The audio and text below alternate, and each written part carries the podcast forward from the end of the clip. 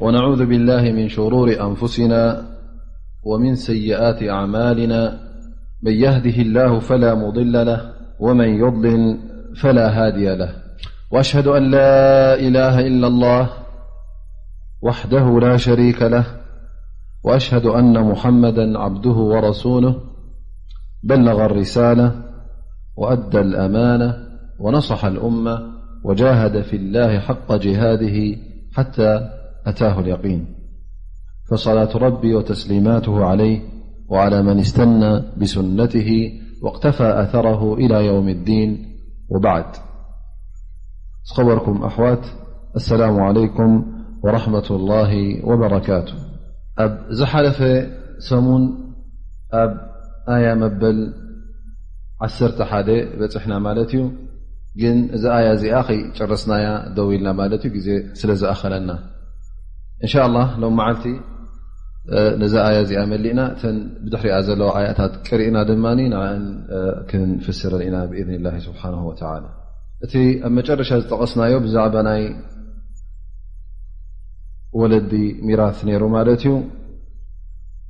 እሶም ድማ ሰለስተ ዓይነት ከም ዝምቀል ጠቒስና ነርና እንተ ደኣ ወለዲ ምስ ደቂ ምዉት ኣለዉ ክንደይ ከም ዝወርሱ ጠቒስና ከምኡ ውን እንተ ደኣ ጥራይ ንሶም ኮይኖም ኣቦን ኣደን ጥራይ እተ ቶም ወረስቲ ሶም ጥራይ እተ ኮይኖም እንታይ ከም ትወስድ ኣደ እንታይ ከም ዝወስድ ኣቦ ውን ጠቒስና ማለት እዩ ሳልሳይ ወገን እውን እንተ ኣቦን ኣደን ከምኡውን ኣሕዋቱ ነቲ ሙት ነይሮም ኮይኖም ውን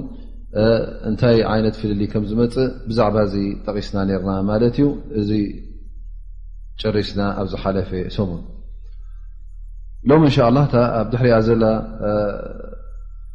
ነጥቢ ክንኣት ኢና ማለት እዩ ሊኣን ላ ስብሓን ወተላ እንታይ ይብል ፈእን ለም የኩን ለሁ ወለዱ ወወሪተሁ ኣበዋሁ ፈሊእምህ ሉት ፈእን ካነ ለሁ እኽወቱ ፈሊኡምህ ሱዱስ ኣብዚኣ በፅሕና ነርና ማለት እዩ ثመ የقል ላ ስብሓን ወተላ ምን ባዕድ ወصየት ዩሲ ብሃ ኣው ደይን ምን ባዕድ ወصየት ዩሲ ብሃ ኣው ደይን እዚ ማለት ከዓ ቅድሚቲ ሚራስ ምምቃሉ ቀዳማይ ነገር ኣበይ ክትርኢ ኣለካ እንተ ደኣ ወሲያ ኣሎ ኮይኑ ወይ ውን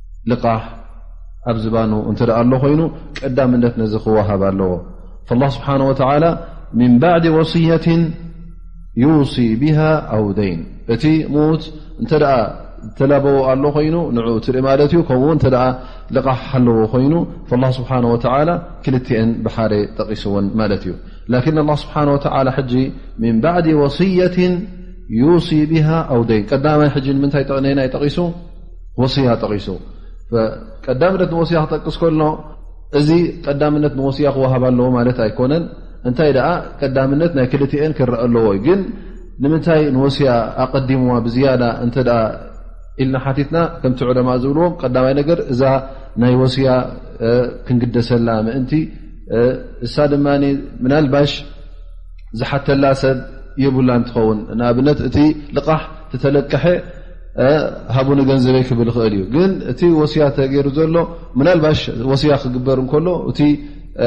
ክወሃብ ዝግብኦ ሰብ ወይከዓ ተዋሰየሉ ሰብ ኣይሰምዐን ይኸውን ስለዚ ኣላ ስብሓን ወላ ንዓ ቀዳምነት ሂብዋ መታን ንዓ ክንግደሰላ ማለት እዩ ምኽንያቱ ሓደሓደ ግዜ እንተ ተዋስኡ እሞ ከኣቶም ወረስቲ ካብቲ ሚራስ እወፅእ ስለ ዘሎ ነዚ ጉዳይ ዝከቢድ ስለ ዝኾነ ምናልባሽ ንዓ ንኸይሓብእዋን ንዓኣ ንኸይፀቕጥዋን ከባድ ስለ ዝኾነት ንኸውፅዋ ኣላ ስብሓን ወተዓላ ነታ ወስያ ጠቒሱ ማለት እዩ ግን እንተ ደኣ ክንርኢ ኮይና ቀዳምነት ክወሃብ ዘለዎ ኣይና እዩ ልቓሕ እዩ ቀዳምነት ንልቓሕ ክኸውን ኣለዎ መጀመርያ እቲ ገንዘብ ኩሉ ምስተኣከበ ከይተማረሰ ከሎ ወስያ ኸይሙት ተዋሰዮ ለበዋ ዝሃቦ ንሱ ኸይ ወፀን ከሎ ናበኻ ተተኩር ማለት እዩ ናብቲ ልቓሕ ልቓሕ ኣሎዶ የለን ዕለማ እብሉ እቲ ልቓሕ እውን ክል ዓይነት ልቓሕ ክኸውን ይኽእል እዩ ሓደ ንደቂ ሰብ ልቓሕ ናይ ደቂ ሰብ ማለት እዩ ሓደ ድማ ልቓሕ ናይ ኣላ ስብሓን ወተላ ክኸውን ይኽእል እዩ እቲ ልቓሕ ናይ ደቂ ሰብ ድማ እንተ ካብ ሰብ ዝተለቅሖ ገንዘብ ነይሩ ኮይኑ ብፅሑፍ ተረኪቡ ኸውን ወይከዓ ብቃል ዝበሎ ኮይኑ ወይከዓ ብካልእ ሸነክ ተሓተተ እተ ኮይኑ እዚ ልቓሕ እዚ ግዴታ ክኽፈል ኣለዎ እዚ ልቓሕ እዚ ገንዘብ ተለቂሑ እተ ሩ ኮይኑ ገዛ ገዚኡ እተ ሩ ኮይኑ ብዝኾነ ይኹን ዓይነት ናይ ልቓሕ ኣብ ዝባኑ እተ ልቓሕ ኣሎ ክኸፍሎ ዝግባእ ገንዘብ ኣሎ ኮይኑ መጀመርያ ነዚ ልቓሕ እዚ ናብቶም ዘለቅሑ ሰባት ናብኦም ነብፅሕ ማለት እዩ ወይ ውን እዚ ልቓሕ እዚ ውን ካብ መን ካብ ኣላ ስብሓን ወላ ዝጥለቦ ክኸውን ይኽእል እዩ ከመይ ማለት ንኣብነት እዚ ሰብ እዚ ኣብ ዓሰርተ ሸዋል ወይ ከዓ ውሑ ሸዋል ንበሎ ዘካት የውፅ ነይሩ ዘካት ከውፅእ ኩሉ ግዜ ዓመት ዓመት ኣብ ሸዋል ኮይኑ ኣብ ሮሞዳን ኮይኑ ኣብ ዝኾነ ወርሒ መቸም ንኸውፅእ ልምዲ ነይርዎ ወይ ከዓ ከምትሱ ዓመታዊ ዝብሎ የውፅእ ማለት እዩ እዚ ሰብ እዚ ብሕማም ኮይኑ ወይ ከዓ ብካልእ ተሻቂሉ ኮይኑ ኣብቲ መዓልቲ ዘካት ዝወፅ ከየውፅኦ ፀኒሑ ካብኡምስ ሓለፈ ብድሕሪ እቲ ዘካት ምሕላፉ እዚ ሰብ እዚ ሞይቱ ንበሎ ስለዚ እታ ዘካት ምስ ወጀበቶ ስለ ዝሞተ እዚ ሕጂ ዝልቃሕ እዚ ኣላ ስብሓን ወተላ ንሊላ ልካ ስለ ተውፅኦ ፅባሕ ንግ ኣላ ስብሓን ወላ ክሓቶ ስለ ዝኾነ መጀመርያ ነዚ ልቃሕ እዚ እዚ ዘካት እዚ ይወፅእ ማለት እዩ ስለዚ ቀዳምነት ነዚ ልቃሕ እዚ ክትህብ ኣለካ ማለት እዩ ወይ እውን እዚ ሰብ እዚ እውን ሓጅ ዝወጀቦ ክኸውን ይኽእል እዩ ኣላ ስብሓን ወተላ ሓጅ መን ስተጣ ኢለይ ሰቢላ ኢሉና እዩ እዚ ሰብ እዚ ክእለት ረኪቡ ብናይ ጉልበት ኮይኑ ጥዕና ኮይኑ ገንዘብ ኩሉ ኣብ ማሊኡ እንከሎ ኣይሓጀጀን ሓጅ ኣዶናግዎ እናክኣለ ከሎ ምስተጣዕ እንከሎ ኣይሓጀጀን ስለዚ እንተ ብድሕሪ ምኽኣሉ ኩሉ ዕድል ምርካቡ እሞ ከዓ ብሸለልትነት እተ ነቲ ሓጅ ኣሕሊፉ ነይሩ ኮይኑ ዕለማ ኣብሉ እቲ ናይ ሓጅ እውን ካብዚ ገንዘቡ እዙ ክወፅእ ኣለዎ ምክንያቱ ወይ ሰብ ጌርካ ተሕጅጀሉ ወይ ከዓ እ ባዕልኻ ካብቶም ወረስቲ ሓደ ክሕጅጀሉ ኮይኑ ባዕሉ ተበርዑ ገይሩ ናቱ ጉዳይ ግን እንተ ከምኡ ዘየሎ ኮይኑ ወላ እውን በቲ ገንዘቡ ጌርካ ካልእ ሰብ ተኻሪኻ ንፍላን ሓጅጀሉ ኢልካ ብገንዘቡ ይሕጀጀሉ ማለት እዩ ወይ ከዓ እዚ ሰብ እዚ መብፅዓ ይህልዎ ኸውን እንተ ከምዝ ከምዝ ኮይኑስ ኣነ ከምዝ ንከምዝ ንኸውፅእ ካብዚ ገንዘበይ ሌላ ሂለ ኢሉ ወሲኑ ነይሩ ኸውን እታ ዝገበራ መብፅዓ ውን ነድር ተረኺባ ከየውፅዓ ግን ብሸለልትነት ብሎሚ ፅባሕ ኣደናግዋ ሞት መፅኣቶ ሞት እተ ወሲዳቶ እሞ ከዓ እተ ቶም ወረስ ዝፈልጡ ነሮም ይኖም ዘይፈልጡ እተ ኮይኖም እዚ ኣብ መንጎኡን ኣብ መንጎ ኣላ ስብሓን ላ ግን እተ ፈልጡ ነሮም ኮይኖም ኣቦኦም ኮይኑ ሓዎም ኮይኑ ዝሞተ ሰብ ነዘር ነይርዎ መብፅዓ ነይርዎ ክንዲዚ ገንዘብ ከውፅእ ወይ ከዓ መስጊድ ከስርሕ ወይ ከዓ ከምዚ ኢሉ መብፅዓ ኣት ነይሩ ካብቲ ገንዘቡ እሞ እዚ እንተ ኣብ ዝባነሉ ኮይኑ ቀዳማይ ነገር ቅድሚቲ ገንዘብ ምምራሱ እዚ ልቕሓት እዚ ዝባኑ ዘሎ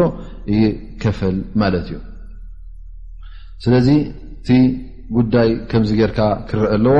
ከምኡ ውን እቲ ወስያ ክግበር እንከሎ እታ ወስያ ትበሃልከ ከመይ እያ ቀዳማይ ነገር ሱቕ ኢልካ ይኮነ ወሲያ ዝግበር ማለት እቲ በዓል ገንዘብ ክዋሶ ከሎ እንተ ክዋሶ ኮይኑ ካብ ሓደ ሲሶ ንላዕሊ ካብቲ ገንዘቡ ካብኡ ንላዕሊ ክዋሰ ኣይፍቀዶን እዩ መሰሉ ካብተን ሓደ ሲሶ ዝያዳ መሰል ይብሉን ስለዚ እንተ ፍርቂ ገንዘበይ ክልተ ሲሶ ካብ ገንዘበ ኢሉ ከምዝ ከም ገበሮ እተ ወስያ ገይሩ እዚ ወስያ እዚ ቅቡል ኣይኮነን ናበይ ንመልሶ ናብቲ ሳልሳይ ኣፍ ሓደ ስልሲት ሓደ ሲሶ ናብኡ ይምለስ ማለት እዩ ኣ ነቢ ስለ ላ ሰለም ናብ ሳዕድ ብ ኣብ ወቃስ ምስ መፅኦ ጠቂስናያ እውን ነርና ኣሉሉ ከር ክዋሰ ምስ ደለየ ብሓደ ሲሶ ተዋሰ እሱ እውን ገዛእ ርእሱ ብዙሕ እዩ ኢሎም ነቢና ሙሓመድ ለ ላ ለ ሰለም በዚ ስለ ዝወሰንዎ ወስያ ክግበር እንተ ኮይኑ ካብ ሓደ ሲሶ ንላዕሊ እውን ክገብር ኣይፍቀዶን እዩ ከምኡ ውን ብዛዕባ ናይ ወስያ እውን እነቢ ስለ ላ ሰለም የቁል እና ላሃ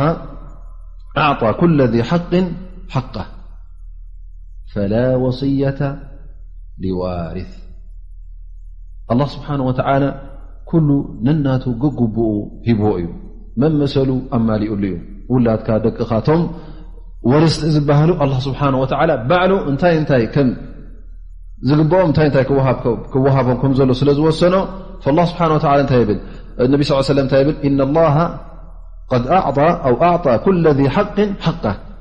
መሰሉ ገይርሉ እዩ ስለዚ ፈላ ወስየታ ሊዋር ወስያ ክትገድፍ ከለኻ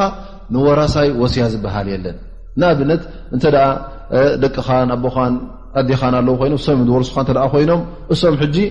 ኣላ ስብሓን ወተላ ኣቦ እንታይ ከምዝወሰድ ኣደ እንታይ ከምትወሰድ ቶም ውላድ እንታይ ከም ዘለዎም ወሲንዎ እዩ ስለዚ ነዞም ወረስቲ እዚኦም ክንዲዙ ኢልካ ክትዋሰሎም ነቦይ ብዝያ ከምዚ ተዋስሉ ኣለኹ ኢልካ ፅባሕ ድማ ንጥውይሉ ብዝያዳ ከም ወራሲ ድማ ካብኡ ክወስድ ኣይፍቀዶን እዩ ስለዚ እንተ ብሸርዒ ዝወርስ ኮይኑ ካብቲ ሚራስ ዝብፅሖ እተ ኮይኑ ነዚ ሰብ እዚ ትዋሰየሉ ኣይትኽእል እንተ ዘይብፅሖ እተ ኮይኑ ግን መ ንኣብነት ደቅኻ ኣለዉ ካልኦት ድማ ደቂ ደቅኻ ኣለዉ ሕጂ ደቂ ደቅኻ ድሕር ደቅኻ ኣለዉ ኮይኑ ደቂ ደቅኻ ኣይወርሱን እዮም ፈኢዘ እንተ ካብ ደቂ ደቅኻ ንኣብነት ሓደ ካብቶም ደቅኻ ሞይቱ ሞኒ እዞም ኣይታም ኣለዉ ደቂ ደቂ ኢልካ ንዕኦም እንተ ወስያ ገዲፍካ ሎም ካብቲ ገንዘብካ እፍቀደካ ማለት እዩ ምክንያቱ እዞም ሰባት እዚኦም ወረስቲ ኣይኮኑን ወይ ከዓ ኣቦኻ እንከሎ ብ ኣቦሓጎካ ይወርስን እዩ እሞ እተ ኣቦሓጎይ ንዑስ ነቦሓጎይ እዚኣን እዚኣን ግበሩ ኢልካ እተ ተዋሲኻ ድማ እዚ ሕጂ ትዋሰ ማለት እዩ እንተ ኣቦሓጎ ይወርስ ኮይኑ ግን ክትዋሰሉ ይትኽእል ካ ምክንያቱ ኣቦሓጎ ውን ኣቦ ዘየሎ ኮይኑ ቦታ ናይ ኣቦ ስለ ዝወስድ እሞ ኣቦካ ዘየሎ ኮይኑ ኣሓጎካ እ ኣሎ ኮይኑ በቲ ናይ ኣቦካ ድማ ናይ ኣቦካ ዝወስድ እተ ኮይኑ ስለዚ ነዚ ኣባሓጎካ ውን ኣይ ተዋሰየሎን ኢኻ ኢዘን እታ ቀንዲ ነጥቢ ክንብላ ንደሊ ዘለና ወስያ ክትገድፍ ከለኻ ነቶም ወረስቲ ውርሻ ዝበፅሖም ንኦም ወስያ ክትገድፈሎም ኣይ ፍቀደካን እዩ እቲ ወስያ ንመን እዩ ዝኸውን ንዘይወርሱ ወይ ከዓ ንዓኻ ተዋሰ ማለት እዩ ማለት በዝን ከምዝን ገንዘብ ሰደቃ ኣውፅኡለ ኢልካ ከምዝን ከምዝን ገንዘብ ተኣ ብዙሕ ኮይኑ መስጊድ ኣስርሑለ ኣጅሩ ንዓይ ክኾነኒ ከምዝን ከምዝን ገንዘብ ዒላ ክዓትሉ ኣጅሩ ንዓይ ክኾነኒ ኢልካ እንተ ተዋሲኻ ድማ እዚ ናትካ መሰል እዩ ክትዋሰ ትኽእል ኢኻ ግን ከምታ ዝበልናያ ካብ ሓደ ሲሶ ክሓልፍ ይብሉን ከምቲ ዝበልና ሕጂ ትደን ትልቓሕ ቀዳምነት ቅድሚ ወስያ ኣለዎ ማለት እዩ እዚ እውን ኩሎም ዕለማ እቶም ዝሓለፉ ዕለማ ይኹኑ ወላ እውን ኣብዚ ግዜና ዘለዉ ዕለማ ኩሎም ዝሰማምዑሉ ዩ ቀዳምነት ንልቓሕ ክኽፈል ከም ዘለዎ ብድሕሪኡ ናብ ወስያ ትሓልፍ ድሕሪኡ እቲ ዝተረፈ ናበይ ይኣቱ ናብ ሚራስ ይኣቱ እምበር ቅድሚ ልቓሕን ቅድሚ ወስያን ክቲ ገንዘብ ክትዋረሶ ክትማረሶ ኣይፍቀደካን እዩ ማ የቁል ላ ስብሓን ወተላ ኣባኡኩም ወኣብናኡኩም ላ ተድሩነ ኣዩሁም ኣቅረቡ ለኩም ነፍዓ እቲ ሕክማ ኣላ ስብሓን ወተላ ስለምንታይ እዩ ነዚ ገንዘብ እዚ ከመይ ገይሩ መቓቒል ወልካ ምናልባሽ ትሓትት ትኸውን ስለምንታይ ነቦ ከምዚ ገይሩሉ ስለምንታይ ነደ ከምዚ ንወዲ ከምዚ ንጓል ከምዚ ኢሉ ስለምንታይ መቓቒልዎ ኢልካ ምናልባሽ ትሓትት እንተ ኮይንካስ ኣላ ስብሓን ወተላ ብለካ ኣሎ ኣቦታትካ ውላትካ መን እዩ ንዓኻ ዝጠቅም መን እዩ ንዓኻ ረብሓ ዝገድፈልካ ኣይትፈልጥን ኢኻ ስኻ ዕልመ ልቕብ የብልካን ትፈልጦ ነገር የለን ኣብ ኣዱንያኻ ይኹን ኣብ ናይ ጉዳይ ኣራኻ ይኹን መን እዩ እቲ ንዓኻ ዝጠቕመካ ኣይትፈልጥን ኢኻ ስለዚ ስኻስ ክትመቓቕሎም ኣይትኽእልን ኢኻ እዚ ዝጠቕመኒ እዚ ዘይጠቕመኒ ኢልካ ካብዚ ተበጊስካ ክትመቓቐል ስለ ዘይትኽእል ኣላ ስብሓን ወተዓላ ኣነ እየ ዝፈልጥ ኢሉ ባዕሉ ነዚ ነገር እዚ ይሕብረካ ኣሎ ማለት እዩ ኣባኡኩም ወኣብናኡኩም ላ ተድሩና ኣዩም ኣቅረቡ ለኩም ነፍዓ ስለዚ እቲ ንሕና መቓቒልናዮ ዘለና ነቲ ውላድ ንጓል ይኹን ጓል ንሰይቲ ንወተባዕታ ይኹን ነቦ ይኹን ነደ ይኹን ኢልና እዚ ኩሉ መቓቒልናዮ ዘለና እቲ ቅድሚ ሕጂ ትፈልጥዎ ነበርኩም ኣብቲ ግዜ ጃህልያ ዝነበረ ወላ እውን ኣብቲ መፈለምታ እስልምና ዝነበረ እቲ ሚራስ ኩሉ ግዜ ንመን እዩ ዝወሃብ ነይሩ ንውላድ እንተ ወለዱ ኣለዉ ኮይኖም ብወስያ ክትገድፈሎም ኣለካ ኣ እበር እተ ወስያ ዘየለ ኣይ ወስዱን እዮም ነሮም እዚ እቲ መጀመርያ ዝነበረ እዚ ዝነበረ መጀመርያ ንኡ ሰሪዝና እዚ ሓድሽ ናይ ሚራስ ሕግታት ሂብናኩም ዘለና እዚ ምክንያቱ ንስኹም ኣንቱም ሰባት መን እዩ ካብቶም ኣቦታትኩም ካብቶም ደቅኹም መን እዩ ዝጠቕመኩም መን እዩ ኣብ ኣዱንያኹም ይኹን ኣብ ኣራኹም ዝኹን ረብሓ ዝገብረልኩም ስለ ዘይትፈልጡ ነዚ ጉዳይ እዚ ባዕልና ሒዝና ባዕልና መቓቂልናዮ ኣሎና ይብል ኣላ ስብሓን ወተላ ስለዚ እንተ ንዓኻ ተገዲፉስ ከምቲ ግቡእ ጌርካ ክትመቕሎ ስለ ዘይትኽእል እቲ ወዲ ሰብ ድማ ኩሉ ነናቱ ሓንጎል ስለ ዘሎ ኣነ ከምዚ ኣነ ከምዚ ኢልካ ነንሕድትካ ውን ከባእሰካ ስለ ዝኽእል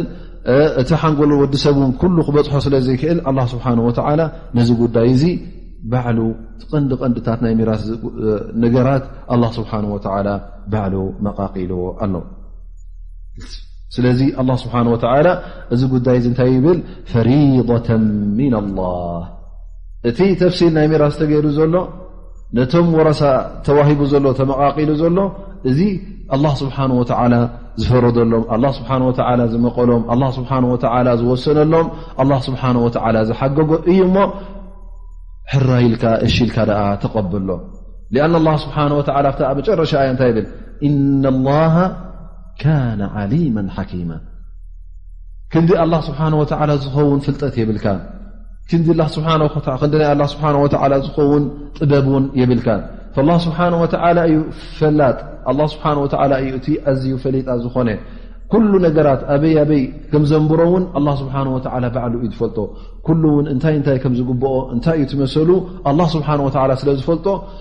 ኩሉ መመሰሉን ገጉቡኡን ኣላ ስብሓን ወተላ ኣትሒዝዎ ኣሎ ኣን ላ ስብሓን ወተላ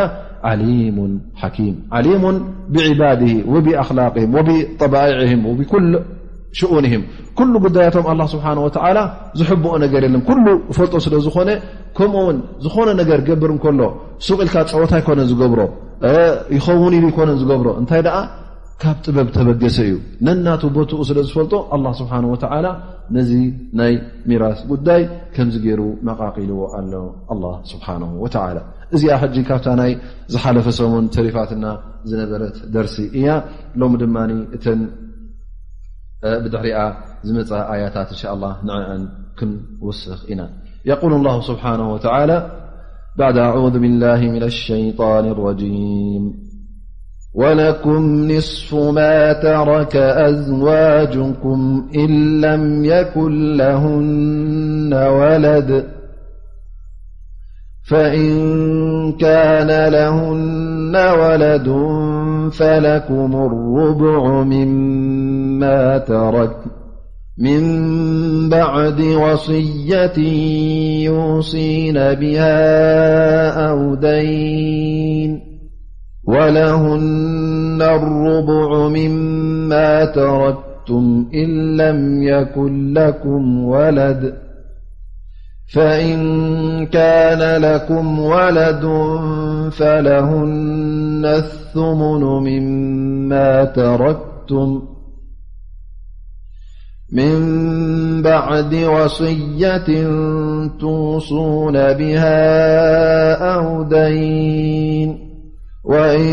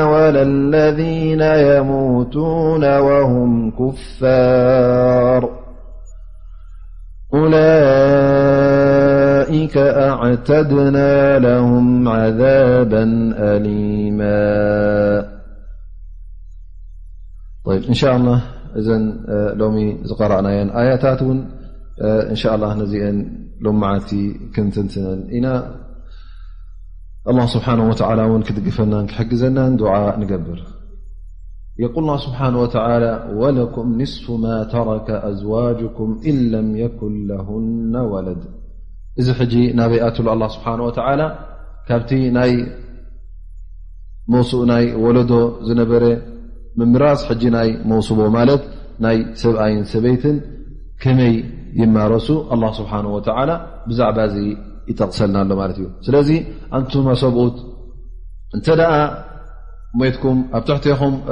እንተ ኣንስትኹም ሞይተን ክንደይ ትወርሱ ኣላ ስብሓን ወተላ ፍርቂ ካብቲ ዝገደፍኦ ማል ካብቲ ዝገደፍኦ ገንዘብ ፍርቂ ትወርሱ ይብል ኣላ ስብሓን ወተላ እዚ ግን መዓስ እዩ እንተ ደኣ እዘን ኣንስትኹም እዚአን ውላድ ዘይብለን ኮይነን ሰዋእን ትውላድ ካባኹም ይኹን ወይ እውን ካብ ካልእ ሰብኣይ ዝወለደቶ ግዴታ ኣይኮነን ካባኻ ዝወለደቶ ወይ ካብ ካልእ ዝወለደቶ ውን ግዴታ ኣይኮነን እንታይ ደኣ ውላድ ጥራይ ይሃልዋ ማለት እዩ ዝኾነ ይኹን ውላድ ሕጂ እለም የኩን ለሁና ወለድ ጓልትኹን ወዲ ይኹን እሱ ጥራይ እውን ኣይኮነን ደቂ ደቂ እውን ይኣት እዮም ግን ደቂ ወዲ ክኾኑ ኣለዎም ማለት እዩ እምበር ደቂ ጓል ኣይኣትውን እዮም እዘን እዛ ሰበይቲ እዚኣ እውን ምናልባሽ ውላዳ ገደፈትን ወዳ የብላ እንትኾን ግን እንተ ወዲ ወዳ ኣሎ ኮይኑ ወይ ጓል ወዳ እውን እንተ ኣላ ኮይና ኣላ ስብሓን ወተላ እዚ ሕጂ ካብታ ፍርቂ ናበይ የውርደካ ኣሎ ማለት እዩ ናብታ ርብዒ ወለኩም ንስፉ ማ ተረከ ኣዝዋጅኩም ኢን ለም የኩን ለሁና ወለድ ፈእን ካነ ለሁና ወለድ ስብሓ ለሁና ኢሉ ካ ሕጂ ምኽንያቱ ደቅኻ ጥራይ ከይትሓስቦም ደቃ ጥራይ ክኾኑ ኣለዎም ምኽንያቱ እንታይ ደቂ ዳኣ ደቃ እንዲም ኢልካ ምናልባሽ ኣብ ሓንጎልካ ከይመፅእ ንሳ ወዳ ውላዳ እንተ ኣሎ ኮይኑ እዛ ሰብ እዚኣ ፈለኩም ርቡዑ ምማ ተረክ ሓደ ርብዒ ወይከዓ ርብዒ ትወስድ ማለት እዩ ስለዚ እዚ እውን መዓስ እዩ ላ ስብሓን ተላ ምን ባዕዲ ወስየት ዩሲና ብሃ ኣው ደይን እተ ልቓሕ ኣለዎን ኮይኑ ከምኡውን እተ ዝዋሰኦ ኣለዎ ኮይነን ብድሕሪ ኢኻ ትወስድ እንበረይ ርብዒ ካብቲ ኩሉ ገንዘብ ወሲድካ ዳሕራይ ቲ ናይ ወስያ እቲ ናይ ልቓሕ ክረአ ኣለዎ ኣይትብልን ኢኻ እንታይ ኣ ካብቲ ልቓሕን እቲ ናይ ወስያን ምስ ወፀ ድሕሪኡ ትፍርቂ ኮይኑ ወይ ከዓ ትርብዒ ኮይኑ የብፅሓካ ማለት እዩ ከምኡ ውን ንሰን ውን ካብቲ ገንዘብኩም እንተ ስኹም ሜትኩም ን ካብቲ ገንዘብኩም ንክወስዳ ክወርሳ ውን መሰል ኣለወን ን ድማ እንተ ውላድ ዘይብልኩም ኮንኩም ልክዕ ካብ ይኹን ወይ ካብ ካልእ ውላድ እተ ዘይብልካ ኮንካ ልክዕ ከምኡውን ውላድ ዝበልናዮ እውን እቶም ደቂ ደቂ እውን ይኣት እዮም ማለት እዩ ግን ወድኻ ዝኾኑ ክኾኑ ኣለዎም ወድኻ ወይ ጓል ወድኻ እንተ ኣለዉ ኮይኖም ልክዕ ከምኡ ክኸውን ማለት እዩ ስለዚ ኣንስቲ እውን ሰበይትኻ ውን ርብዒ ትወስድ ማለት እዩ እንተ ውላድ ዘይብልካ ኮንካ ኣቦኻ ይሃሉ ኣይሃሉ ብዘየገድስ ኣሕዋት ኣለዉካ ኣይሃልውካ ብዘየገድስ ግን እንታይ ደኣ ውላድ ዘይብልካ እተ ኮይኑ ካብኣ ይኹን ካብ ካልኦት እዛ ሰብ እዚኣ ርብዒ ትወስድ ማለት እዩ እንተ ደኣ ውላድ ኣለካ ኮይኑ ግን እዛ ሰብ እዚኣ ካብ ርብዒ ናበይ ትወርድ ናብ ሙን ናብ ሓደ ሽምኒት ትወርድ ማለት እዩ ክልተ ሰለስተ ንስ ዘለዎ ከ እንታይ ክገብር እዩ ሓደ ሽምኒት ሓደ ርብዒ ደ ክወስዳ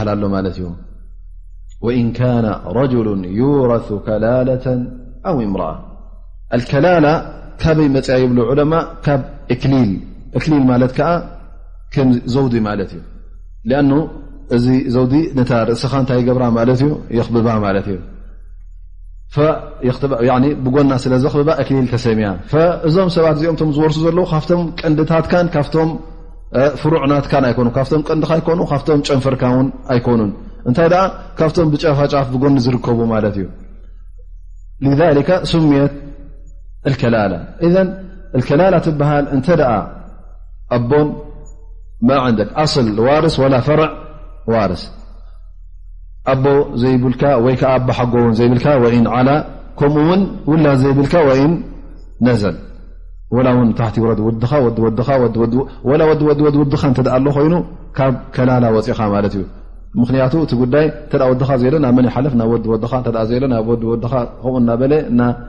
ኸደ እዩ ዝኸይድ ማለት እዩ ከምኡውን ናይ ኣባሓጎ ግዴታ ኣባሓጎኻ ኣቦቦኻ ጥራይ ኣይኮነን እንተ ኣባሓጎ ኣቦካ ኣሎ ኮይኑ እውን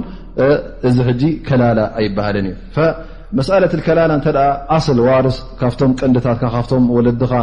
ወረስቲ ዘይብልካ እተ ኮይኑ ከምኡውን ካብቶም ውላትካ ካብቶም ዘርእኻ ወራሲ ዘይብልካ እተ ኮይኑ እዚኣ እንታይ ትበሃል ከላላ ትበሃል ኣቦ ዩ ድማ በር ኣደ እተ ኣላ ኮይና ከላላ ኣይትበሃል ኣደ ኣብ ከላላ ኣይትኣቱን እያ ስለዚ ኣሰል ዋርስ ኣቦታት ማለት ዩ ተባዕትዮ ከምኡውን ደቅኻ እተ ውላድ እተ ዘይወርሱ ኮይኖም ማለት እዩ ወ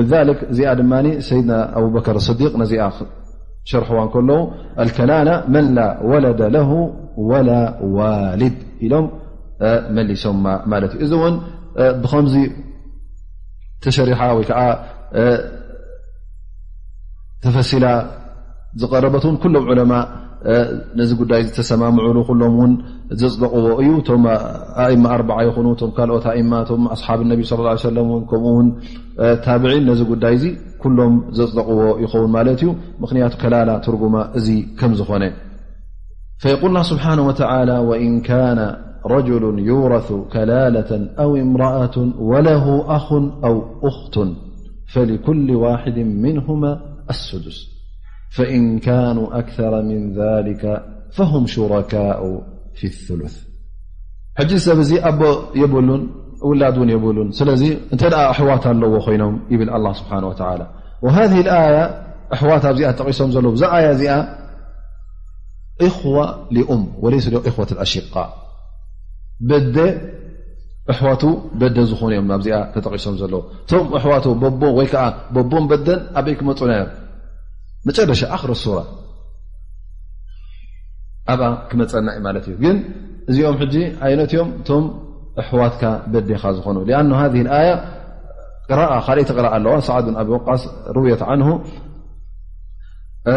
ወለሁ ኣኹን ኣው ኡክቱን ምን ኡም ትብል ቅራኣ ነራ ማለት እዩ ወእኽወቱን ኡም ካብቶም ኣሕዋቱ በዲኡ ዝኾኑ ስለዚ እዛ ኣያ እዚኣ እቶም ኣቡበከር ሰዲቅ ውን ሳዕድ ብ ኣብ ወቃስ ን ኩሎም ውን ኣሕዋትካ በዲኻ ከ ምዃኖም እዚ ኣያ እዚኣ ፈሲሮማ እዮም ወእኽወቱ ኡም እዞም ኣሕዋት በደ ዝበሃሉ እንተ ሓደ ኮይኑ ኣላ ስብሓን ወተላ እተ ሓው ኣው ሓፍቲ ኮይና ከክንደ ይወስዱ ሓደ ስድሲት ይወስዱ ማለት እዩ እንተ ደኣ ካብኡ ንላዕሊ ኮይኖም ደቂ ትባዕትዮን ደቂ ኣንስትዮን ኮይኖም ወይ እውን ተሓዋዊሶም እተ ኮይኖም ካብኡ ንላዕሊ እተ ኮይኖም ካብ ሓደ ስድሲት ናበይ ይሓልፉ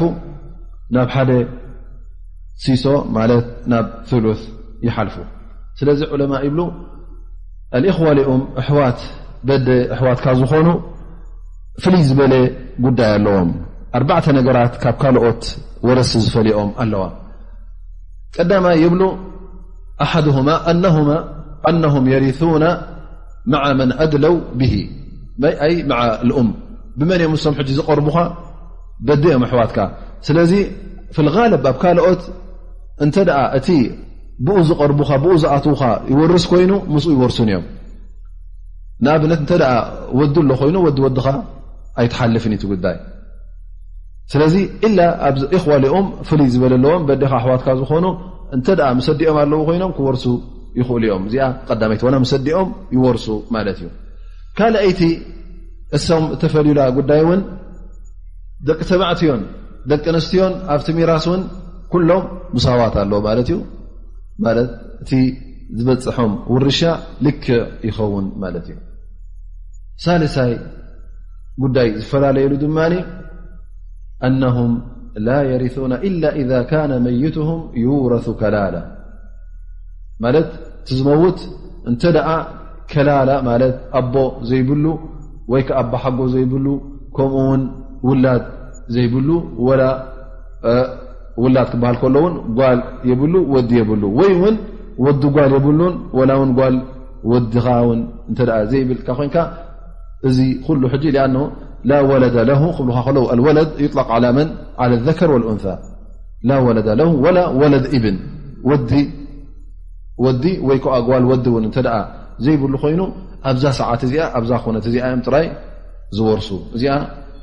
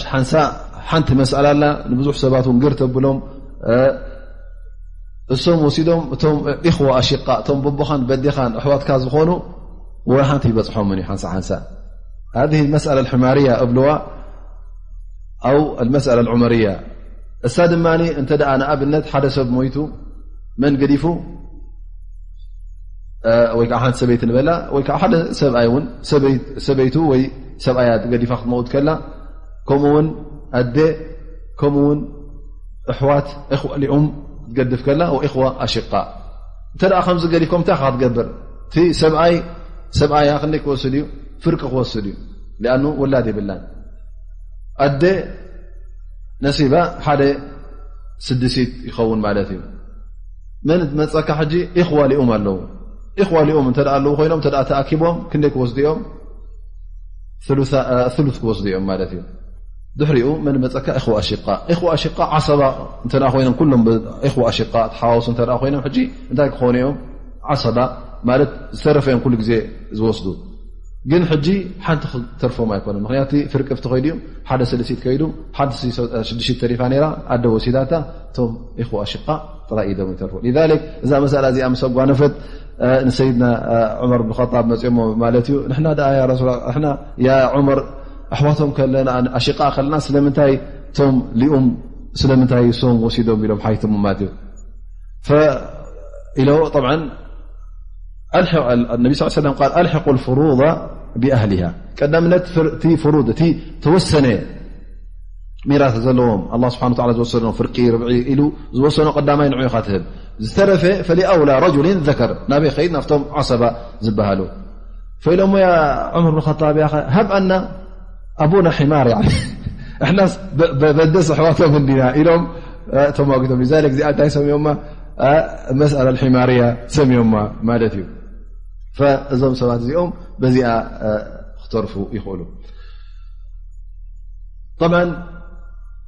የል ኣላ ስብሓን ወተላ መጨረሻ እዚ ኣያ እዚኣ ውን እንታይ ይብል ምን ባዕድ ወስየት ዩሳ ብሃ ኣው ደይን غይረ ሙዳር ብ እዚኣ ነጥቢ እዚኣ ዓንተወይ እውን ኣብቲ ናይ ወስያ ዝጠቐስና እያ እዛ ነጥቢ እዚኣ ይጠቐስና እያ ምክንያቱ እዛ ኣያ ስለ ዝመፀት ኣብዚኣ ክትመፀና ስለ ዝኾነት ግን እዛ غይረ ሙዳር ትብር ዘላ ምስ ኩሉ እቲ ወስያታት ተኣሳሰረት እያ ማለት እዩ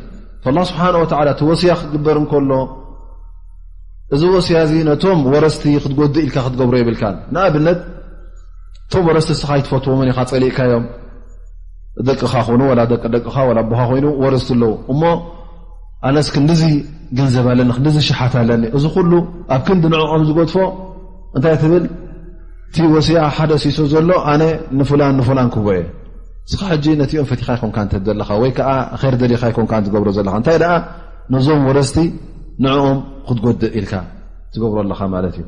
ላ ስብሓን ወተላ የጠንቅቐካ ኣሎ ማለት እዩ ምን ባዕዲ ወስየት ዩሳ ብሃ ኣው ደይን غይረ ሙዳር ነቶም ወረስቲ ክትጎድእ ኢልካ እተ ትገብሮ ኮንካ ንዕኦም ክተጉድለሎም እሶም ንኸይረኽቡ እሶም ንኸይረብሑ ኢልካ እንተ ዝገበርካዮ ወስያ ኮይኑ እዚ ኣንፃርቲ ላ ስብሓ ወላ ዝዘዮ ኣንፃርቲ ስብሓ ዝወሰኖ ትኸይድ ኣለኻ ማለት እዩ እዞም ሰባት እዚኦም ስብሓ ወሲኑሎም ከሎ እቲ ሚራፍ እቲ ዝወርስዎ ገንዘብ እስኻ ኣይዓጀበካን ማለት እዩ ስለምንታይ እዚኦም ክንዲዝን ክንዲዝ ወርስ በልካ እንታይ ትገብር ኣለኻ ማለት እዩ ነቲ ሚራስ ንኩሎም መታን ከይረብሑ ኣነ ልቓሕ ዘይብልካ ከለኻ ካብ ክስቶን ካብ ክስቶን ተለቂሐ ነረ ሃብዎም ኢልካ ትዛረብ ከምዝን ከምዝን እውን ወስያ ኢልካ ንክስቶን ንክስቶን ኢልካ ትሕልፍ ማለት እዮ እዚ ሕጂ እንታይ ትናካ ነገር ትለቅሕካ ይኮንካ ካብ በዓል ክስቶን ካፍትን እንታይ ደኣ ነዞም ወረስቲ እዚኦም ንኦም ክመይ ገይረ ይገድኦም ኢልካ እንተ ጌርካ ኮይንካ እዚ ካብቲ ኣላ ስብሓን ወላ ዝወሰኖን ካብቲ ኣላ ስብሓን ወላ ዝሓገጎን ካብኡ ትወፅእ ኣለኻ ማለት እዩ ጉዳይ ናይ ሚራስ በዚ ጥራይ ዝፅረስ ከምዘይኮነ እውን ክንፈልጥ ኣለና ማለት እዩ ምክንያቱ ዕልሚ ኣልፈራኢድ ዝበሃል ሰፊሕ ዕልሚ እዩ እዚአን ግን ፍርያተን ተን እሱል ተን ቅንድታት ዝኾና ኣላ ስብሓን ወተዓላ ባዕሉ ተንቲንወን ኣሎ ማለት እዩ ኣብ ትሕቲአን እውን ብዝያዳ ቶም ዕለማ ካብዚ ዝወሰድናዮ ኣያታት ሎም መዓልቲ እውን ብዙሕ ነገራት ምስቲ ሓዲ ረሱል ስለ ላ ለ ሰለም ምስኡና ኣቀናበሩን ምስኡና ኣቀራረቡን ብዙሕ ውሳኔታት ዝበፅሑ ኣሎ ንኣብነት ኣሎ ሕጂ ወራሲ እንከሎ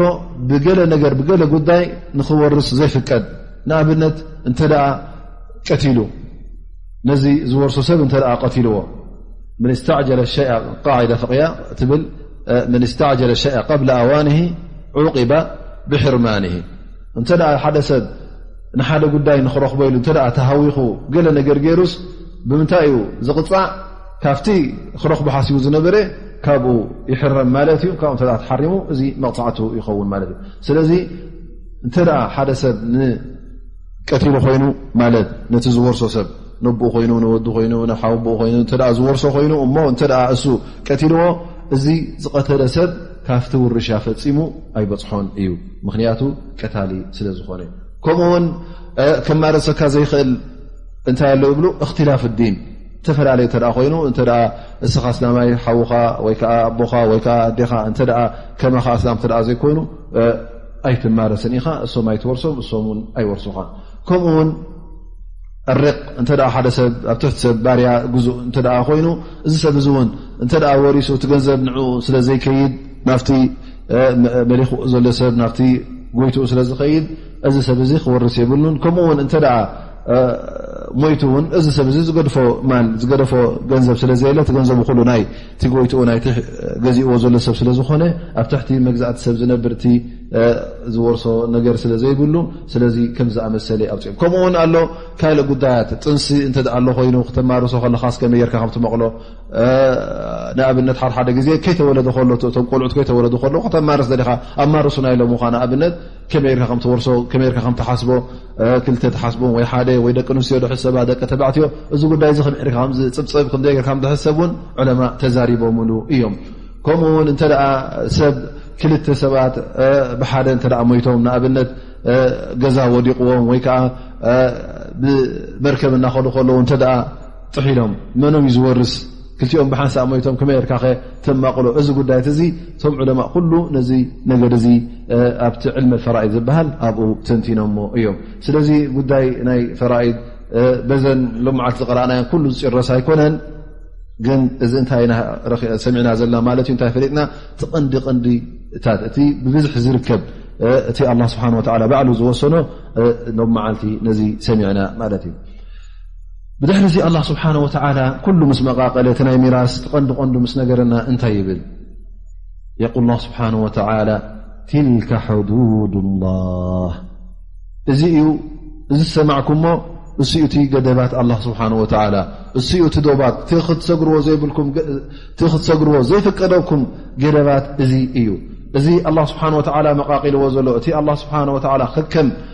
ኣድላይነቱ ከከምቲ ሰብ እታይ ከም ዝቐርቦን እታይ ሞት ናይዚ ሰብ እዚ እንታይ ጉድኣት ከም ዘውረደሉን ስለ ኣላ ስብሓን ወተዓላ ስለ ዝፈልጥ እዚ ኩሉ ሰሚዕኩምዎ ዘለኹም እዚ መቓቕላ እዚ ኣላ ስብሓን ወተዓላ ዝሓገጎ እዩ ኣላ ስብሓን ወተዓላ ዝወሰኖ እዩ እዚ ኩሉ ኣላ ስብሓን ወተዓላ ዝሃቦ ውሳኔታት ኣላ ስብሓን ወተዓላ ዝገበረልኩም ገደባት ሲ ፍፂምኩም ክትሰግርዎ የብልኩምን ካብኡ ሰጊርኩም ካልእ ናትኩም ኣመራርሳ ክትፈጥሩ የብልኩምን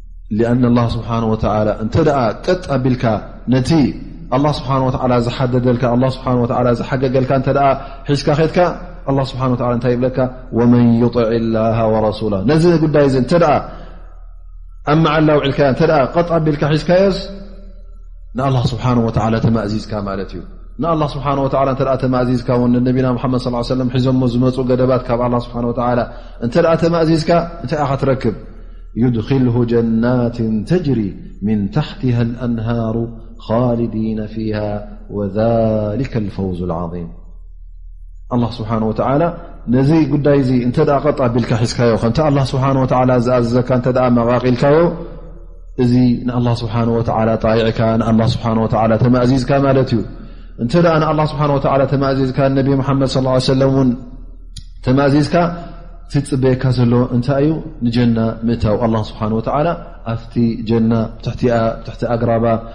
ብብዓይነቱ ወሓዚ ዝውሕዝ ናይ ማይ ወሓዚ ይኹን ከምኡ ውን ናይ መዓር ወሓዚ ይኹን ናይ ፀባ ወሓዚ ይኹን ናይ መስተ ወሓዚ ይኹን ብብዓይነቱ ወሓዚ ዘለዋ ጀና ኣብ ኣእቲኻ ንመዋእልካ ካሊዲና ፊሃ ፈፂምካ ዘይትወፅኣላ መዋእልካ ትነብረላ ተደሲትካ ትነብረላ እዛ ቦታ እዚኣ ኣላ ስብሓን ወተላ ኣዳይልልካ ኣለዎ ናብኣ እውን ክእትወካ እዮም እቲ ዝዓበየ ዓወትን ን እቲ ዝዓበየ ራህዋን እቲ ዝዓበየ ደስታንከ ኣየና እዩ እዚ እዩ ወሊከ ፈውዝ ዓም ካብዚ ዝዓቢ የለን እቲ ሰኡልካ ናይ ኣዱንያ ሓሲብካ ነበርካ ሓደ ሚሊዮን 2 ሚሊዮን ና ብልዮን ናት ይኹን ዳኣ እምበር እዚ ኩሉ ገንዘብ ዘይከውን መገዲ በቲ ኣላ ስብሓን ወተላ ዘይበሎ እንተ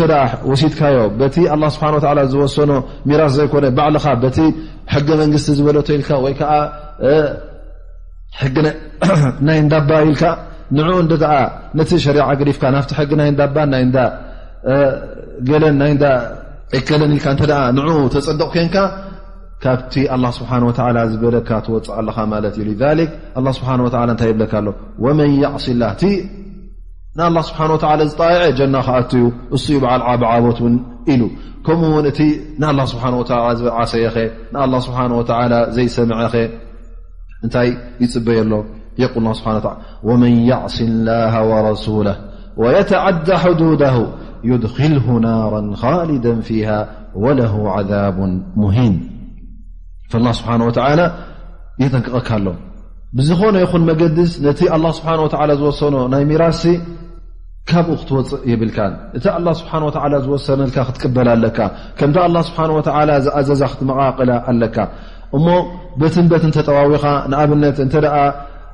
ኣነስ በቲ ናይ ሸሪዓ እተ ተማቒለስ ሒደት ክመፀኒ ዩ እሞ እንታይ ደ ክገብር ናብ ናይ መንግስቲ ኣብኡ እንተ ከይደ ብኡ ዝያዳ ስለ ዝመፀኒ ኣብኡ ክኸስስ ኣለኒ ኢልካ እተ ነቲ ናይ ኣላ ስብሓን ወተላ ረጊፅካ ናብቲ ናይ መንግስቲ እተ ክትከይድ ኮንካ እንታይ ትገብር ኣለኻ ማለት እዩ ነቲ ትእዛዝ ኣላ ስብሓን ወተላ ዝመፀ ነቲ ነቢና ሓመድ ስ ሰለ ዘመሓላለፉልካ ትእዛዝ ትጥሕስ ኣለኻ ማለት እዩ ወመን ያዕሲ ላሃ ወረሱላ ወየተዓዳ ሕዱዳ እሞ እዚ ከ እንታይ ይፅበዩ ዘሎ ዩድኪል ናራ ካልደ ፊሃ ወለሁ ዓዛብ ሂን እታ ትፅበዮ ዘላ እሳተ ጀሃንም ትኸውን እዛ ጀሃንም ድማ እቲ ስቃያን እቲ መቕፃዕታን ንዓኻ ብጣዕሚ ኣዋራዲ ዝኾነ ዘዋርደካ ንዓኻ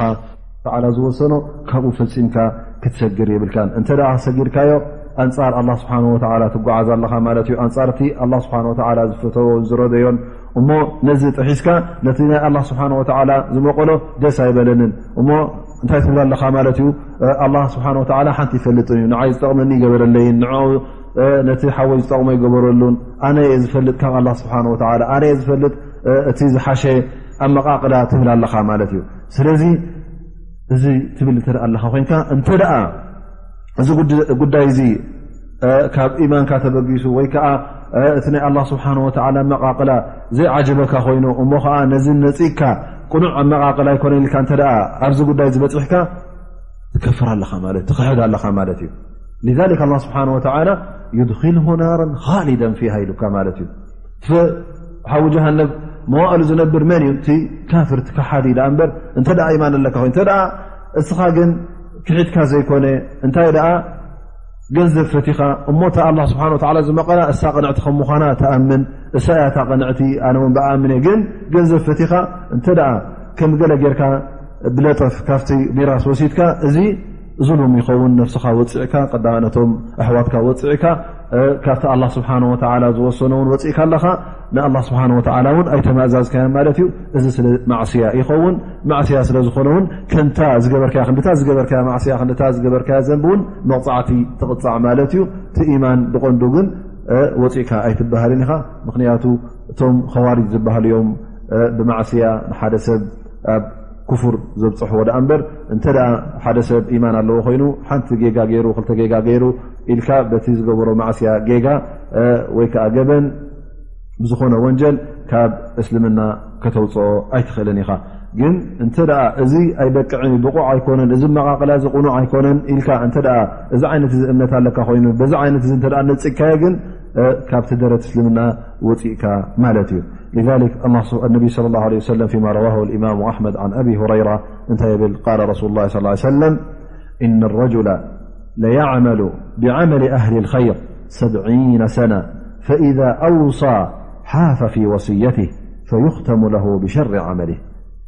فيدخل النار وإن الرجل ليعمل بعمل أهل الشر سبعين سنة فيعدل في وصيته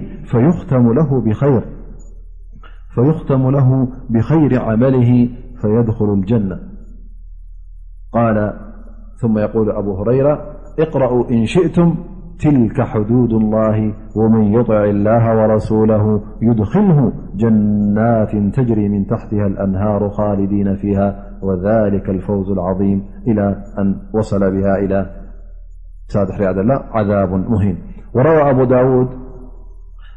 دادابإراباةفيسننأبو دادعقد باب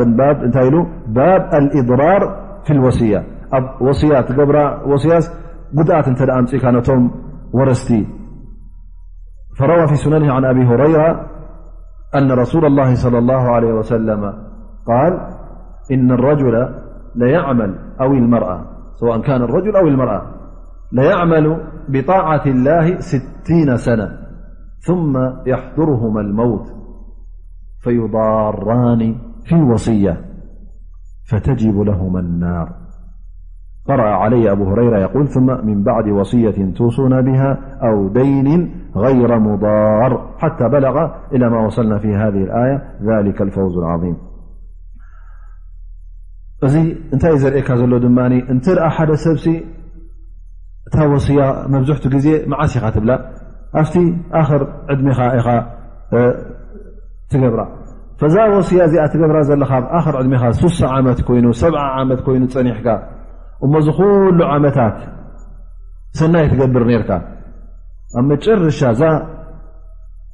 ወስያ ዝገበርካላ መዓልቲ እታ ወስያኻ ነቶም ወረስቲ ትጎድእ ፍትሒ ዘይብላ ወስያ ወይ ከዓ ለበዋ ትገድፍ ማለት እዩ ቲኩሉ ስርሖ ነበርካ ሓጂ ብምንታይ ትኸትሞ ብምንታይ ድምድሞ ኣለኻ ማለት እዩ ብማዕስየት ላ ስብሓን ወተላ ብሰበብ እዛ ማዕስያ እዚኣ ተካቲማካ እንታይ ትኸውን እከይ ካቲማ ኮይና ናፍታ ሓዊ ጀሃንም ሒዛትካ ትኸይድ ማለት እዩ ገለገለ ሰባት ድማ መዋእሎም ሕማቕ ዝገብሩ ማዕስያ ዝገብሩ ጌጋ ዝገብሩ ነይሮም ይኾኑ ግን ኣላ ስብሓን ወተላ ኣብታ መጨረሻ ዕድሚኦም ኣብዛ ወስያ ክውስዩ ከለዉ ኣብ ኣረቢ ይውፍቖም ማለት እዩ ካብታ ኣላ ስብሓን ወተላ ዝወሰና ካብኣ ከይወፁ ኣብታ ወስኦም ፍትሓዊት ዝኾነት ወስያ ገዲፎም ተላብዮም ይሞቱ ብሰንካ ድማ ኣብ ክንዲ እቲ ጌጋታት ዝገብሮ ነበሩ ብሰናይ ስለ ዝኸተምዋታ ስራሖም ኣላ ስብሓን ወተዓላ እቲ ዝሓለፈ ዘንቦም ብሰንካ ይምሕሮም እሞ ናበይ ይኣት ንጀና ይኣት ፈኢዘን እቲ ናይ ሚራስ ጉዳይ እቲ ወስያ ምግዳፍ ጉዳይ ቀሊል ኣይኮነን እሱ ኩሉ ተግባርካ ውን ከበላሽወልካ ስለ ዝኽእል ካቲማኻ ውን ኩሉ ግዜ ብወስያ ስለትጭርሳ ትብላ ወስያን ትገብራ ትፅሕፋ ወስያንታ ላበዋስ ቅንዕቲ ክትከውን ኣለዋ ፍትሓዊት ክትከውን ኣለዋ ካብቲ ኣላ ስብሓን ወተላ ዝወሰኖን ዝሓገጎን ካብኡ ክትወፅእ የብላን ስለዚ በዚ ክንጥንቀቕ ኣለና ማለት እዩ እስኻ ውን ኣንታ ወስያ ትቕበል ዘለኻ እታ ለበዋ ትቕበል ዘለካ ተርፍ ዘለኻ ማለት እዩ እቲ ለበዋ ገይሩ ለበዋ ተላብዩ ይመውት ኣሎ እሞ እንተ ተሪፍካ ውን ክትጥንቀቕ ኣለካ ማለት እዩ እታ ምውት ተላበዋ ውን ከምታ እሱ ዘመሓላለፋ ተቐቢልካ ናብቶም ሰባ ክተብፅሓ ኣለካ እንተ ደኣ ካብቲ ኣላ ስብሓን ወተላ ዝሸርዖ ዝያዳ ዝወፀት ኮይና ካብ ሓደ ሲሶ ንኣብነት ተ ዝያዳ ወስያ ገይሩ ክትንፈዝ የብላን ኣብ ግብሪ ክትውዕል የብላን ክትፀድቕ የብላን ኣበይ ትምለስ ማለት እዩ ኣብቲ ሓደ ሲሶ ትምለስ ጥራይ ተን ሲሶ ኣውፅኢካ ንዐአን ጥራይ ከምተን ዝወሰያን ኣብ ግብሪ ተውዕላ ማለት እዩ እንተ ልክዕ ከምቲ ኣላ ስብሓን ወላ ዝበላ እተ ሓንቲ ሲሶ ቀጢሉ ግን እታ ኣብ ሓንቲ ሲሶ ዝገበራ ከምታ ሱ ዝኣዘዛ ከምታ ሱ ዝበለካ ንዓ ከተቕውም ኣለካ ማለት እዩ ስለዚ እቲ ናይ ወስያ ከምኡ ውን ትልቃሕ እውን ክትንቀቕ ኣለካ ማለት እዩ ቀዳምነት እዚ ናይ ምውት ኢልካ ንዓናይ ዝብፅሓና ንዓይ ዝቐርበልነልካ ጥራይ ሰኡልካ ከምድላይካ ጥቀመሉ የብልካን እንታይ ደኣ መጀመርያ እንታይ ልቓሕ ከም ዘለዎ ካብ ምን ተለቂሑ ከም ዝነበረ ነዚ ጉዳይ እዚ ክተፃረ ኣለካ እሱ ምስ ተፃረየ ድማ ኣብታ ናይ ወስያ ወይ ከዓ ኣብታ ናይ ሕድሪ ክትሓልፍ ኣለካ ብድሕሪኡ እቲ ጉዳይ ከምቲ ኣላ ስብሓን ወተዓላ ዝበለካ የተማርሶ ማለት እዩ እንተ እስኻ ወስያ ተቐቢልካ ኮንካ ከምኡ ውን ኩሉ ግዜ እንተ ዝተረፈ ሎ ኮይኑ ከም ድላይካ ኣይኮነን ዝማረስ ሓደሓደ ሰባት ንኣብነት ንፈልጥ ኢና ኢሎም ወይከዓ በተን ቅሩብ ፍልጠት ዘለዎኦም ብናይ ተጅርባ ብናይ ተመክሮ ኮይኖም ከምዝን ከምዝን ዩ ዝዋርስ ኢሎም መላልባሽ ኣብ ጌጋ እወጥቁ ይኾኑ ስለዚ ኣብኡ ከይበፅዕካ ከለካ ነቶም ዕለማ ነቶም ይፈልጡ ዮም ትብሎም ነቶም ኣዕርዮም ነዚ ጉዳይ ዚ ዘፅንዑ ናብኦም ከትካ ክትሓትት ኣለካ ምክንያቱ ብዛዕባ ናይ ሚራስ ነገር ሓደ ሓደ ነገር ትፈልጦ ትኸውን ግን ዘይትፈልጦ ነገራት ውን ብዙሕ ኣሎ ይኸውን ስለዚ ኩሉ ክትንትነሉ ኣለካ እንታይ ዩ ሰብ ዚ መን መን ኣለዎ ንታይ ንታይ ይብፅሕዎ ከመይ ገሮም ይብፅሕዎ ኩሉ እቲ ዝምድና ዘሎ መን ም ቶም ተሪፎም ዘለዎ ኩሉ ኣፃሪኻን ኩሉ ኣዳቂቕካን ክትሓስብ ኣለካ ኣዳቂቕካ እተ ሓሲብካ ኣዳቂቕካ እተ ኣቕሪብካዮ ድማ ነቶም ዝፈልጡ ተቕርበሎም እሞ በዚ ሸነክዚ ክውስኑ ይኽእሉ ማለት እዩ ስለዚ እተ እስኻ ውን ሙሉእ ማዕሉማት ሙሉእ ኣፍልጦ እተ ዘይሃብካዮ ነቲ ፈትዋ ትሓቶ ዘለኻ ነቲ ክ እሱ ውን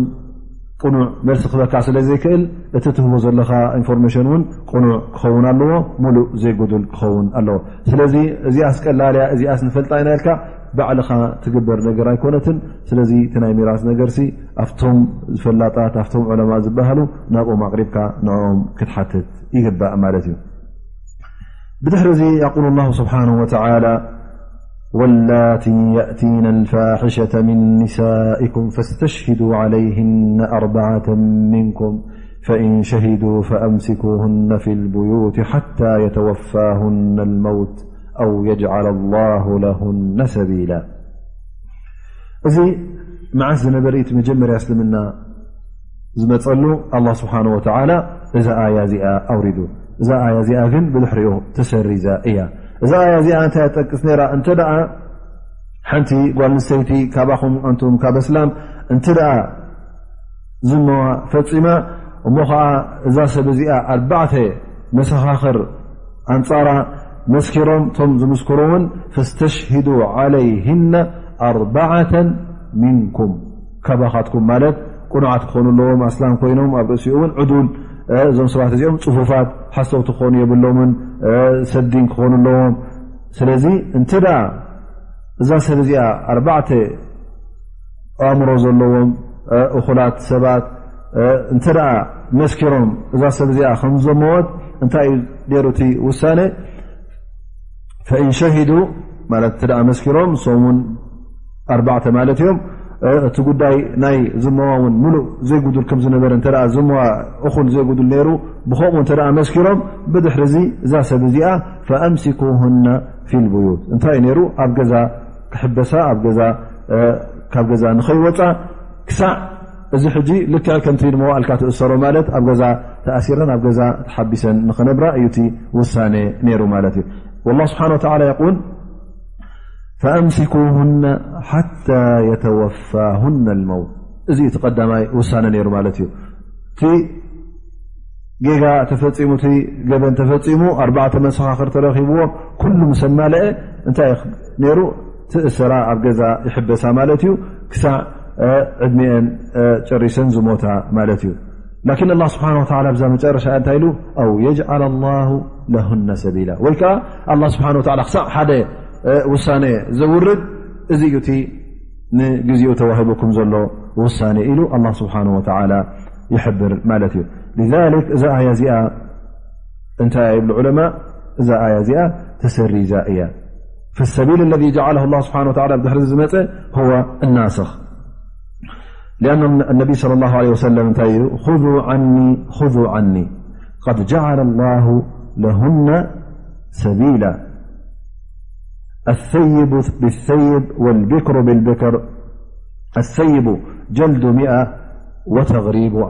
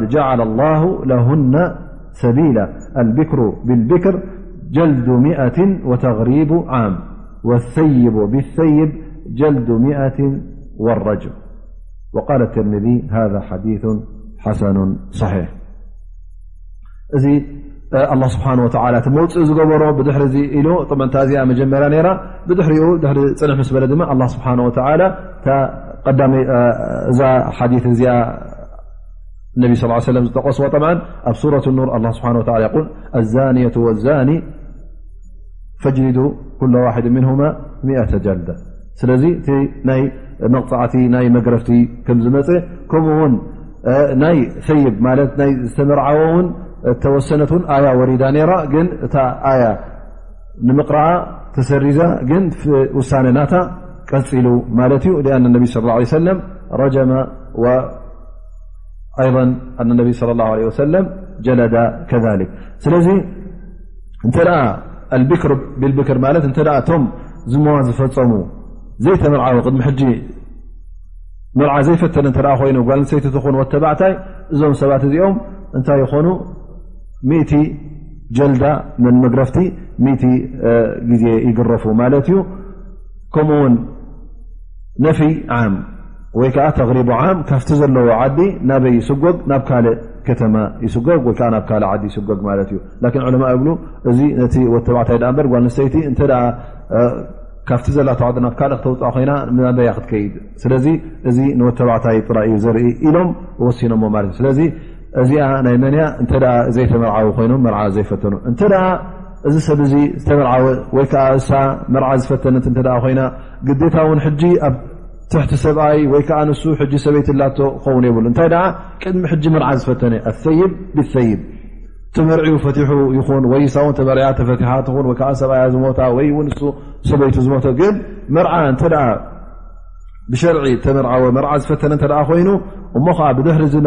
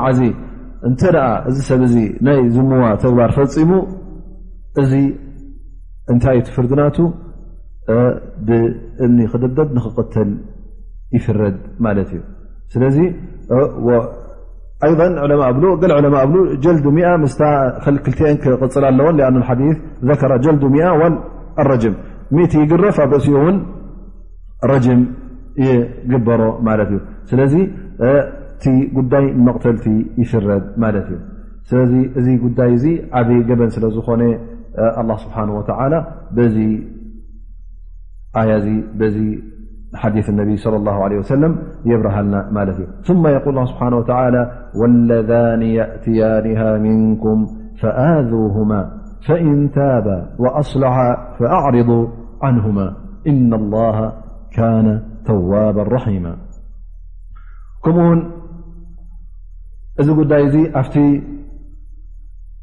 ሽዑ ገና እቲ ናይ መግረፍትን እቲ ናይ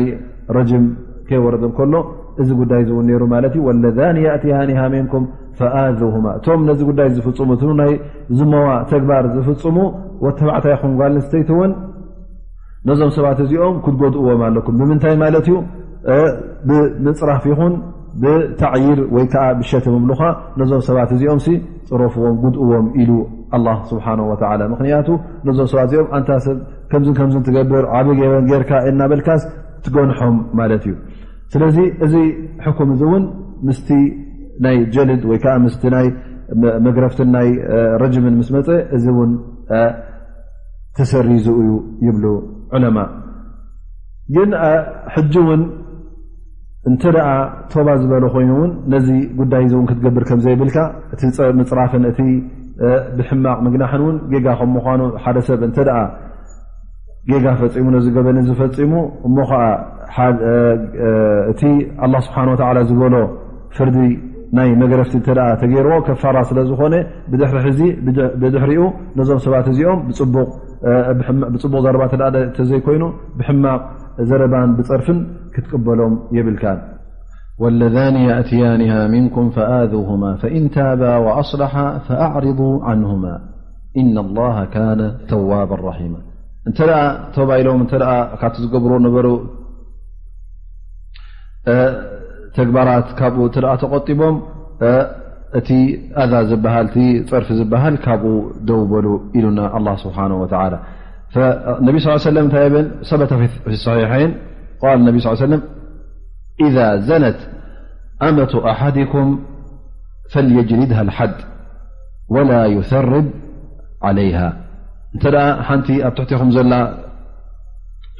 ባርያ ማለት እዩ ወይ ከዓ ገረድ እንተ እዛ ሰብ እዚኣ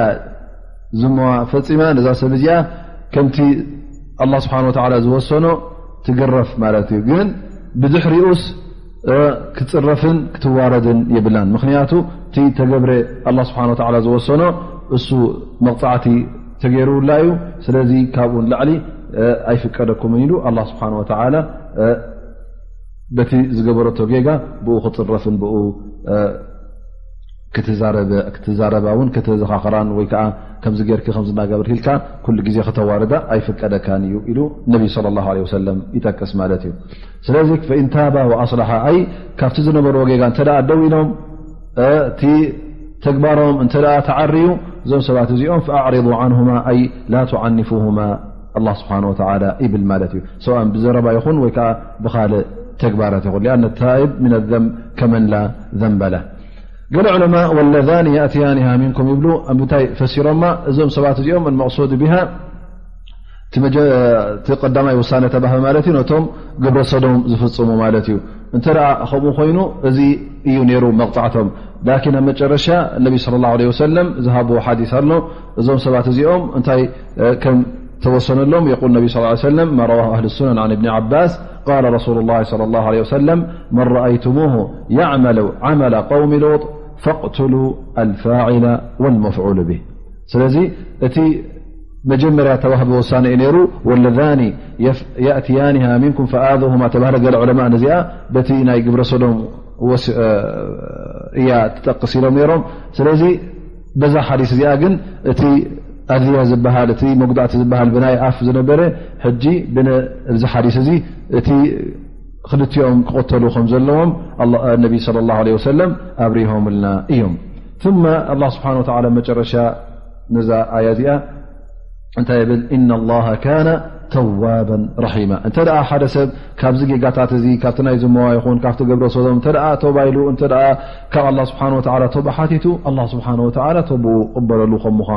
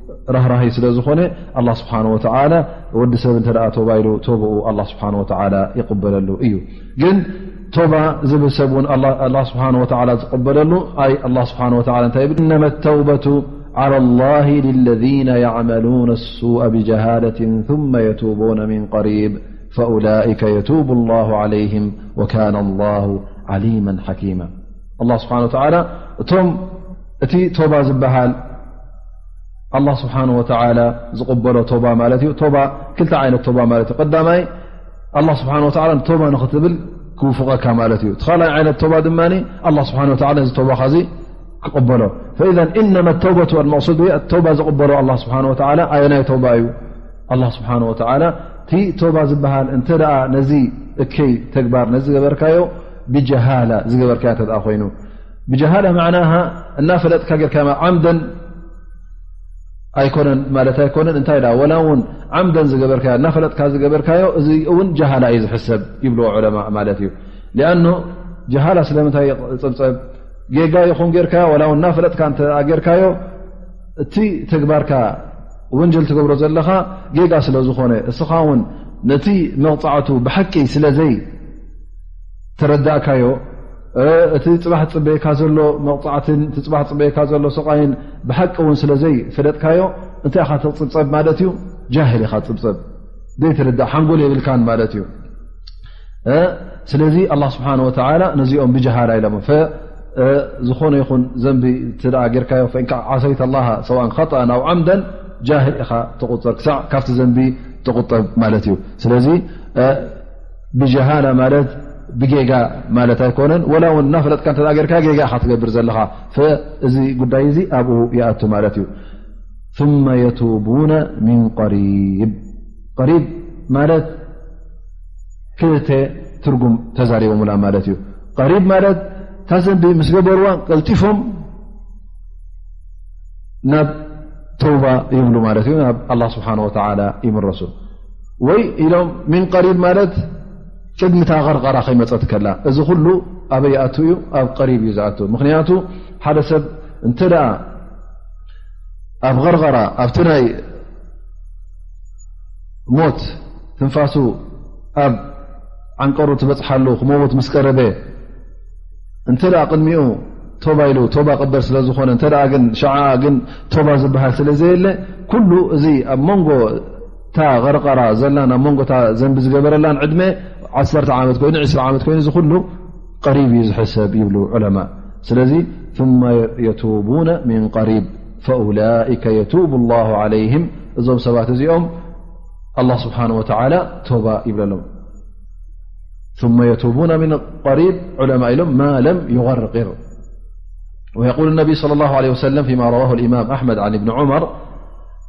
እነ ላሃ የቅበሉ ተውበተ ዓብድ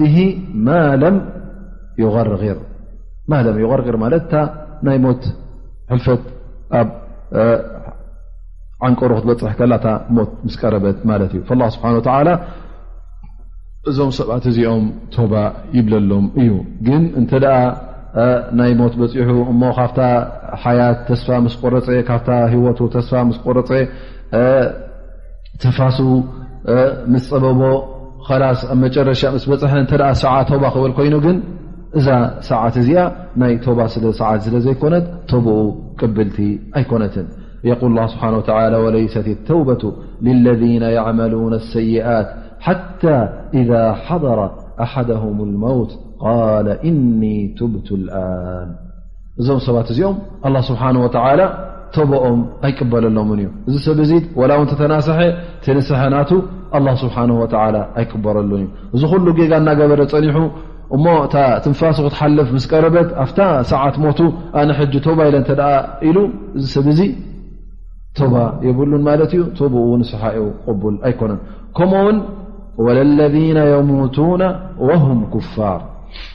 እዚ ሰብ እዚ እውን እተ ኣብታ መገዲ ክሕደት ቀፂሉ ኣብታ ክሕደት እከሎ ሙሽርክ እከሎ ካፍር እከሎ እንተ ሞይቱ እውን እዚ ሰብ እዚ ቶባ የብሉን ምክንያቱ ካፍር እ ማተ ላ ኩፍር ወሽርክ ናቱ ጣዕሳን ቶባን እውን ፈፂሙ ኣይጠቕቦን እዩ ወላ እውን ፅባሕ ንግ ነዛ ኩላ ህየቱ ነዛ ኩላ ብማሉን ብኩሉ ዚ ዱንያ ዝርከብ ኩሉ ክፍደየ እንተ ኢሉ እውን ዝጠቕሞ ኣይኮነን ዘርብሖ እውን ኣይኮነን ስለዚ ኣላ ስብሓን ወተላ እዞም ክልተ ሰባት እቲ ኣብ ግዜ ቐርቐራ ኣብታ ሰዓት ሞቱ ቶባ ዝብልን እቲ ጌና ቶባ ከይበለ እንከሎ ማለት እቲ ብክሕደቱ ዝቐፀለ እውን በታ ዘለዋ ክሕደት ብኩፍርናቱ በቲ ሽርክናቱ እተ ሞይቱ እውን እዚ ሰብ እዚ ኩሎም ክልቲኦም እዞም ሰባት እዚኦም ኣላ ስብሓን ወተዓላ ተውበኦም ኣይቅበለሎምን እዩ